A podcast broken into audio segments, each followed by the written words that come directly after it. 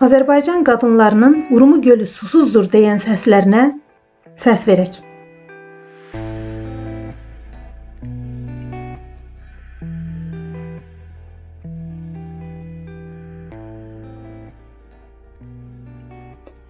Azərbaycan qadınları zaman-zaman siyasi, ictimai məsələlərə qatılaraq bəzən toplumsal problemlərə çarə axtarmaqda ön ayaq olmuşlar.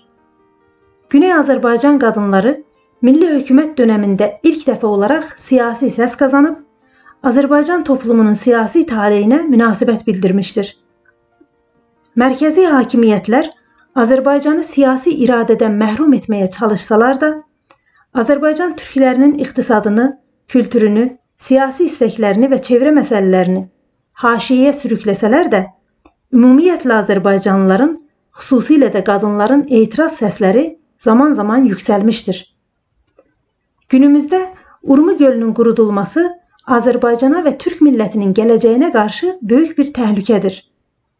Bu təhlükəyə qarşı Azərbaycan türk milləti 25 ildən artıqdır müxtəlif şəkillərdə etiraz edib dövləti uyarır.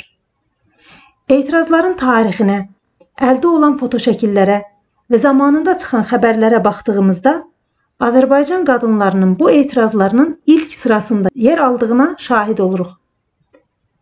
Bununla yanaşı diqqətlə baxdığımızda Azərbaycanda çevrə məsələsi ilə uğraşan və ciddi fəaliyyət göstərən Səbzəndişan və Yaşıl Yol kimi qeyri-dövləti təşkilatların bir çoxunun qurucuları və çalışanlarının qadınlar olduğunu da görməkdəyik.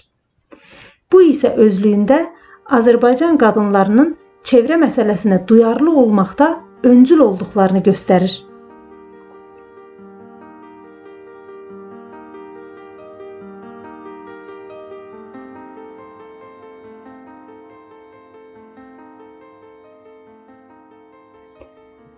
Son aylarda Urmu gölünün durumu ağırdır. Gölümüz son nəfəslərini çəkir. Uzmanlara görə Urmu gölünün quruması bu bölgənin ən böyük insani və ekolojik fəlakəti olacaqdır. Dünyanın ikinci böyük duz gölü olan Urmu gölü quruyarsa, yerində zəhərli kimyai maddələrlə kirlənən milyonlarca ton duz qalacaqdır. Ümumən doğudan batıya əsən güclü küləklər bu duzu insanların əkin yerlərinə, yaşadıkları kəndlərə və şəhərlərə daşıyacaq. Duz əkin yerlərini qurudacaq. Duzu tənəffüs edən insanlar nəfəs yolu xəstəliklərinə giriftar olacaqlar. Əkinə bağlı iqtisadın çökməsi ilə bərabər duzlu hava bölgəni yaşanmaz halə gətirəcək. Milyonlarla insan məcburi olaraq Azərbaycandan köçəcək. Köçməyə iqtisadi gücü yetməyən insanlar isə xəstəlik və fəlakət içində həyat sürəcəklər. Uzmanların dediyinə görə Bu durum yalnız bölgədəki Binab, Marağa, Xoy, Təsud, Şəbistər kimi kiçik şəhərləri deyil, Urmu, Təbriz və Ərdəbil kimi böyük şəhərləri də öz təsiri altına alacaqdır. Zaman içində duz Zəncana qədər çatıb, oralarda da fəlakətə səbəb olacaq. Hakimiyyət bütün bu fəlakətlərin olacağını bilə-bilə Urmu gölünün başına bu bəlanı gətirən amilləri tanısa da, onları məqsədli olaraq önləməmişdir. Zaman-zaman Urmu gölünün vəziyyəti haqqında Vəzarət-i Niru, Cəhad-ı Keşavərzi və Mühit-i Ziss sazmanları vasitəsilə səhv bilgilər yayılaraq insanların diqqətini göldən yayındırmağa çalışılmışdır. Məsələ ilə ilgilənən qeyri-dövləti qurumların dediklərinə görə Urmu gölünün ehyası üçün ayrılan büdcələri adı keçən sazmanlar və mərbut şirkətlər heyfu meyl edib məqsədinə uyğun xərcləməmişdir. Hətta Urmu gölünün qurudulmasına etiraz edən qeyri-dövləti təşkilatlar və milli fəallar təhdid və dustaq edilərək susturmağa çalışılmışdır.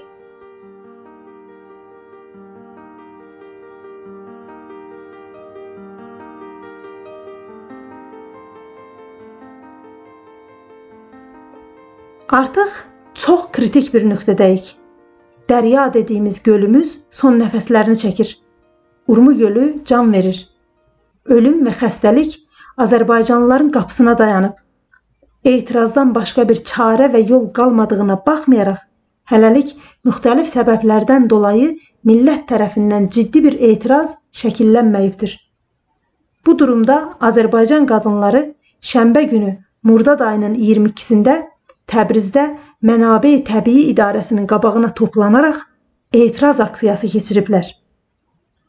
Orada olan bəzi qadınlardan alınan məlumatlara görə müxtəlif teyflərdən olan 100-ə yaxın qadın sadəcə Urmu gölü susuzdur deyə şüar səsləndirərək məsulların diqqətini bu məsələyə çəkməyə çalışıblar. Qadınlardan 10-15 nəfəri idarənin içərisinə keçib məsullarla görüşüb danışmağa çalışıblar. Aksiya 1-2 saat davam edib bitibdir. Amma qadınlar bu aksiyalara davam etməyə qərar veriblər. Bu uğurda Doşənbə günü Mordad ayının 23-ü Şərqi Azərbaycan əyalətinin ustandarı ilə görüşmək üçün Təbrizdə ustandarı qarşısında görüşməyə qərar veriblər. Qadınlar bildirilərində deyirlər ki, onlar ustandarıya gedib yazdıqları mətni ustandara oxuyub onları sorğulayacaqlar və bu işə yorulmadan davam edəcəklər. Bu qadınlar üçün Urmu gölü məsələsi onların uşaqlarının və nəvələrinin həyatını təhlükəyə atan milli bir faciədir.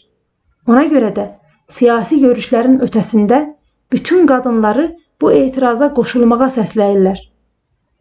Ortaq səsləndiriləcək tək şüar isə Urmu gölünün məhv olmasını vurğulayan və məsullara xatırladan Urmu gölü susuzdur şüarı olacaqdır. Hakimiyyətə sərkub etmək üçün heç bir bəhanə yaratmadan bu etirazları genişləndirmək hədəf alınıbdır. Çünki Urmu dəryasının məsələsi sadəcə oturub qüssələnməyin ötəsində bir məsələdir. Kiçik bir ekolojik sıxıntı deyil, ölüm-qalım məsələsi, mərzlik, sağlamlıq məsələsidir. Bu etirazın əhəmiyyəti ordadır ki, Urmu gölünün taleyi ilə bağlı kritikal bir durumda hakimiyyətin etirazları susturmağa hazırlıqlı olduğu bir zamanda cəmiyyətin ən duyarlı kəsimi olan qadınlar gün etibarilə ən ciddi bir addım atmaqdadırlar. Bəlkə də bu hərəkət bir qığılcım olub bütün insanların ürəyinə yol tapıb Urmu gölünün ehyası üçün dövlətə və məsullara bir baskı əhrumu ola biləcəkdir. Yetər ki, ümidsizliyi buraxıb məsələnin kökünü güc yapısında və dövlət orqanlarında axtaraq. Problemin səbəblərini millət olaraq bir-birimizdə görməyək. Yetər ki, mənəmlikləri, siyasi ayrışmaları, fərqli görüşləri, dini və cinsi ayrışmaları bir kənara buraxıb Urmu gölünün qurudulmasını hamının həyatına mənfi mənada təsir edən və bir millətin başına gətirilən bir faciə kimi görək. Azərbaycan qadınlarının min bir sıxıntı içindən çıxıb gələn səslərinə səs verək.